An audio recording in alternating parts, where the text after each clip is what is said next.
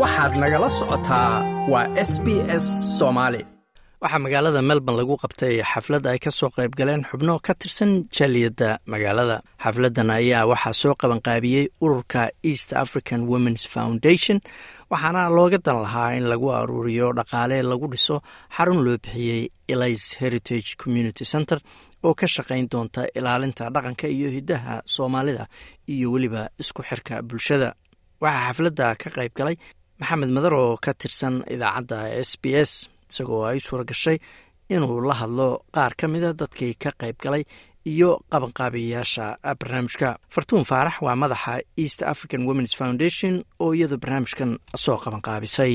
Maanta waxaan halkan joognaa tabarucaadii ama fanraysinkii loo fanrayska loo sameynayey xarunta la yidhaahdo elis community heritage center oo braybury ku taalla. Xaruntaas oo run ahaantii aan soo wadnay inay dhidibada u adkayno siddeed iyo tobankii bilood ee na soo dhaafay. Xaruntaasi waxaan doonaynaa inay noqoto xarun dhaqanka iyo hiddaha soomaaliyeed iyo dhallinyarada ay isku xidha ayaan doonayaa. Xarun dhista kalsoonida dhallinyaradeenna inay maaragtay ku kalsoonaadaan dhaqankooda iyo qofka ay yihiina meeshay ay ka imaadeen. Waxaa jirta mahmaha dhahaysa qofku hadduunan garanaynin meeshuu ka yimid meeshuu u socdana ma garanayo. Marka waxaan doonayaa biidnillaah inay noqoto xarun tii u horraysay ee laga hirgeliyo halkan oo dhaqankeenna iyo hiddaheenna iyo isku xidha iyo dhallinyaradeenna ayaan doonayaa biidnillaah maxay ooga dhigan tahay in xaruntani ay guulaysato? Ama si kale haddaan u dhigo baahida bulshadu ay u qabtay maxaad ku tilmaami kartaa run ahaantii baahi weyn ayaa loo qabay xaruntan iyo xarumo kaloo la mid aba. Baahidaas loo qabo waxaa ka mid ah luuqadeennii oo ka baxday maaragtay meesha ka baxday oo caruurteennii oo maaragtay ka dhuntay inay dhaqankooda iyo maaragtay meeshay ka imaadeen aanan garanaynin taariikhdii soomaaliyeed dhaqankii soomaaliyeed carruurta dhallinyarada iyo jiilalka soo kacaya iyo dadka waaweyn oo laysku xidho oo kala faa'iidaysta. Waa qodobka u horraysay aan doonayna xarunta inay qabato. Soo ingiriiska lagu leeyahay intergenerational connection in la yidhaahdo oo dadkaas maaragtay waaweyn ay ka faa'iidaystaan carruurteennu inay uga sheekeeyaan wixii dhaqan ahaan jiray waxay uga sheekaynayaan maaragtay soomaalida waxay u dhaqan u ahaan jirtay ha noqoto dhinac kastaba ha noqotee marka run ahaantii baahi weyn baa loo qabaa xaruntan waxaana rajaynaynaa baahida hadda jirta. Hadday wada dabooli weydana in badan inay daboosho ayaan rajaynaynaa inaan tababaro ku samayno oo carruurtu aan maaragtay dhisno. Marka hore qofka bini'aadanka ah waxaa waxaa lagaga bedeli karaa in wax badan wax loo sheego oo la wacyigeliyo oo loo sheego qofka uu yahay qofka isaga ah. Marka insha allah waan dadaalaynaa.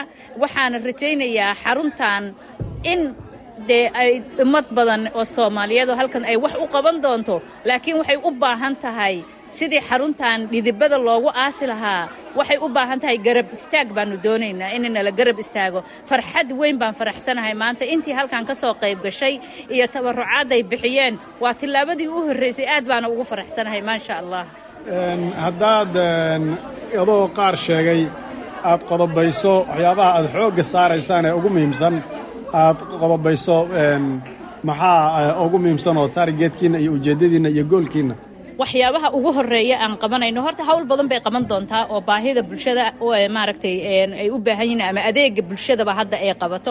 Markaan ku adeega bulshada aad buu u fara badan yahay. Waxaan qabanno hadda waxa weeyaan oo waxyaabaha ugu waaweyn u hadlidda qofka baahiday uu qabo oo qofka ama advocacyga la yidhaahdo aan u hadalno. Waxaan qabannaa dhallinyaradii oon jeclaysiino dhaqankoodii. Connection inaan isku xidhno carruurta dhaqankooda iyo iyo inaan isku xidhno iyo dhallinyarada ayay qodobka anaga ugu weyn. Waxaa kuu xiga luuqaddii afka soomaaligaa dhimatay oo meesha ka baxday. Inaan soo noolayno luuqaddii afka soomaalida. Waxaan doonaynaa inaan insha allaahu ku dadaalno inaan helno meel lagu bilaabo luuqaddii afka soomaaliga insha allah taasaan rajaynaynaa hadduu ilaah yidhaahdo. Bulshada maxay uga dhigan tahay inaad guulaysataan maxay uga dhigan tahay bulshada soomaaliyeed wax badan bay uga dhigan tahay inaan ku guulaysano sentarkan iyo barnaamijkan aan wadno. Wax badan bay ooga dhigan tahay. Waxaan reebaynaa dhaxal baan u reebaynaa jiilalkeenna soo kacaya. Waxaan leenahay caruurteenna soo kacaya haddii aanan hadda wax bilaabin. Aayatiin xumada caruurteenna hadhow ku dhacaysaa caruurteenna waxay naga dhexlaan inaan reebnaa muhiim ah. Oo maxay tahay waxay naga dhexlayaan waa dhaqankeenna fiican waa diinteenna waa luuqadeenna taas ayaan doonayaa ilmaheenna inay naga dhexlaan waxaanan jeclaan lahaa oon dhihi lahaa dhammaan bulshada soomaaliyeed ee ku nool magaaladan melbourne inay arrintaas nagu garab istaagaan baan jeclaan lahaa. Waanan maaragtay rajaynayaa sida maanta aan ugu faraxsanahay la ii garab istaagay in naloo garab istaagi doono si ay xaruntaas u noqoto meel soomaalidu ku soo hirato qalabkii soomaalida yaalla waa somaali museum. Qofkii wax u baahda dharkii dhaqankii wixii oo dhan baa yaalla. Waxaa laga heli karaayoo kaleeto ma garanaysaa. In luuqadii afka soomaaliga dhigitaankeeda iyo manhajkii la diyaariyo ayaan rajaynaynaa biidnillaah marka insha allahu wax badan bay bulshadeenna ay ka bedeli doontaa. Waanan soconaynaayoo kama daalayno ilaa aan maaragtay aan dhidibada u aasayno biidnillaah magacayga waa saciid cabdiraxmaan saciid saciid shinle waa arrin aad maarata ku dasho mudan caawa hawsha inta ka dhacday east african woman foundation farnaysinka ay soo bandhigeen ummaddana soo bandhigeen. Si fiican baa looga jawaabay waana kalsooni bay ummadda soomaaliyeed gelinaysaa waana arrin lagu farxo waxaan rajaynayaa inay ummadda soomaaliyeed hadda ka bacdina ay isku tashtaan oo ay wixii brograam ah maaragtay ka horeysa waa in ayaga ay tooda ku tashtaan wixii kalena meelahay ka doonan karaan ka doontaan marka arrin wax qabad fiican weeye maadaama xarun cultureka wacyigelinta dhalinyarada culturekoodii oo maarata lagu hayrayo waa arrin maarata taariikhi ah. Baahida soomaalina u qabtaa dhalinyaradan maanta dhibaatooyinka iyo howlaha badan waddamada qurbaha ay ku haysta soomaalida meel wax looga qaban karo weye dhaqankoodii iyo awareness lagu siin karo wacyigelin iyo kulamo badan taasaana muhiim ah qof aan dhaqan lahayn awareness iyo wax kama tiri karo. Markay dib ugu noqdaan luuqadoodii ay dib u dhicistaan maaragtay qofka labada luuqadood yaqaan luuqadiisi iyo luuqadda kale yaqaan ayaa maskaxiyan aada sareeyaa la yihahdaa marka aad baan u soo dhaweynayaa walaal aad baa umahadsantahay aniga waxaa la yidhaha ibraahim macali cali xasan.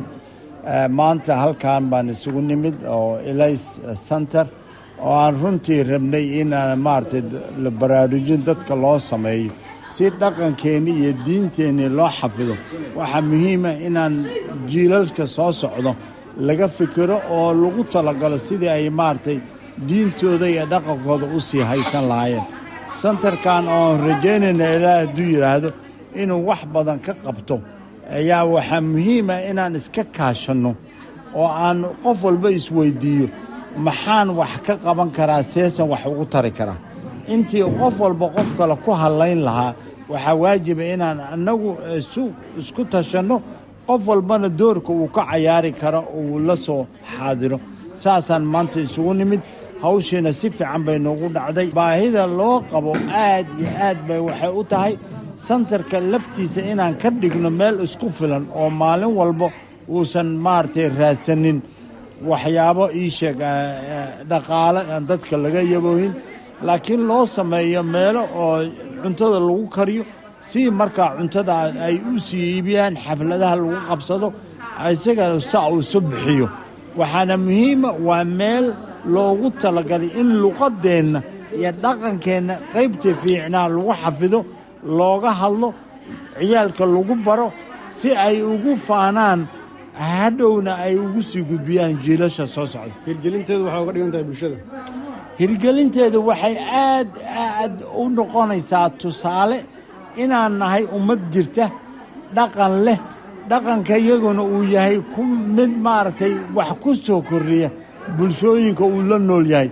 Geesinimaa ku jirtay dad isku filan oo qofka isagoo yariiska hawshiisa iyo maaragtay reerihiisa ku filan baa ku jirtay.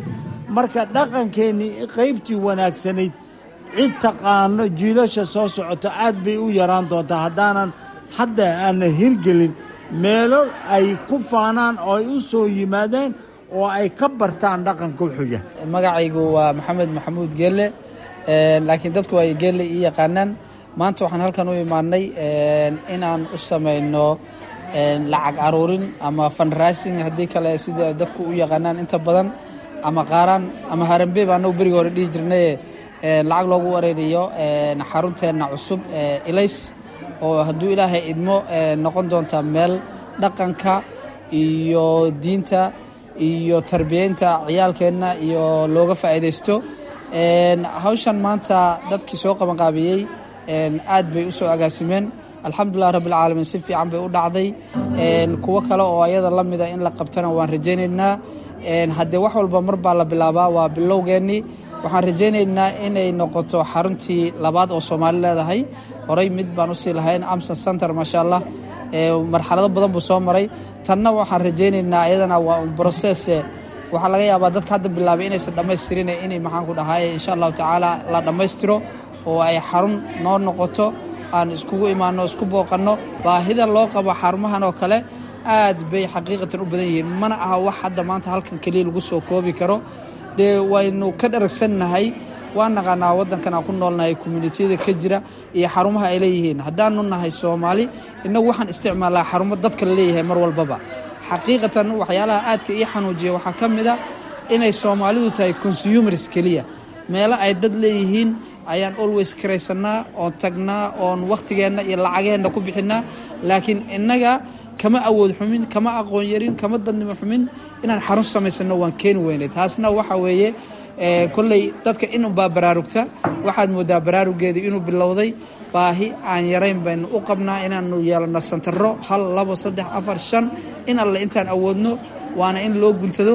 Dadkii samayn lahaana waa innaga. Qof kalan sugayna ma jiro. Magacaygu waa cabdulaahi maxamed cali cabdulaahi muxsin maanta meeshan aynu isugu nimid ilaahay subxaana wa tacaala marka koowaad waxaan weydiisanaynaa in hindisahaas iyo tallaabada quruxda badan ee aan qaadnay alla inuu inooga dhabeeyo oo aynu ku guulaysanno ujeeddadeenna iyo yoolkeenna aynu doonahayno taasoo aynu ugu ololaynhayno ama aynu isugu nimid maanta. Tabarucaaddan aynu ugu samaynhayno ama fundraisingkaas xarun ummadda matasha oo dhaqankooda iyo diintooda iyo dadnimadooda iyo deeqdoodaba intaba loogu ilaaliya baahida runtii hawshaas ayada loo qabaana aad iyo aad bay u badan tahay. Xadid walaa xaraj wey wax laga sheekayn kara ma aha.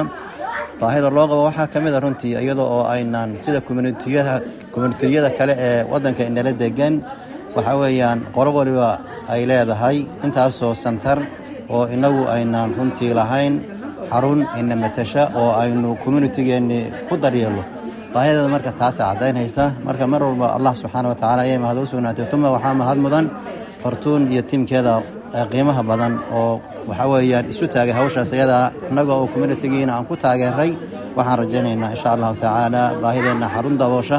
Halkaas inaynu dhidibada u dhigno insha allahu tacala waynu ugu asaasna ilaahayde waxaad dhegaysanayseen waa codadka xubno ka tirsan jaaliyadda melbourne oo ka qayb galay xaflad dhaqaale loogu aruurinayey xarunta eli center like aas la wadaag wax ka dheh lana soco barta facebooka ee sb s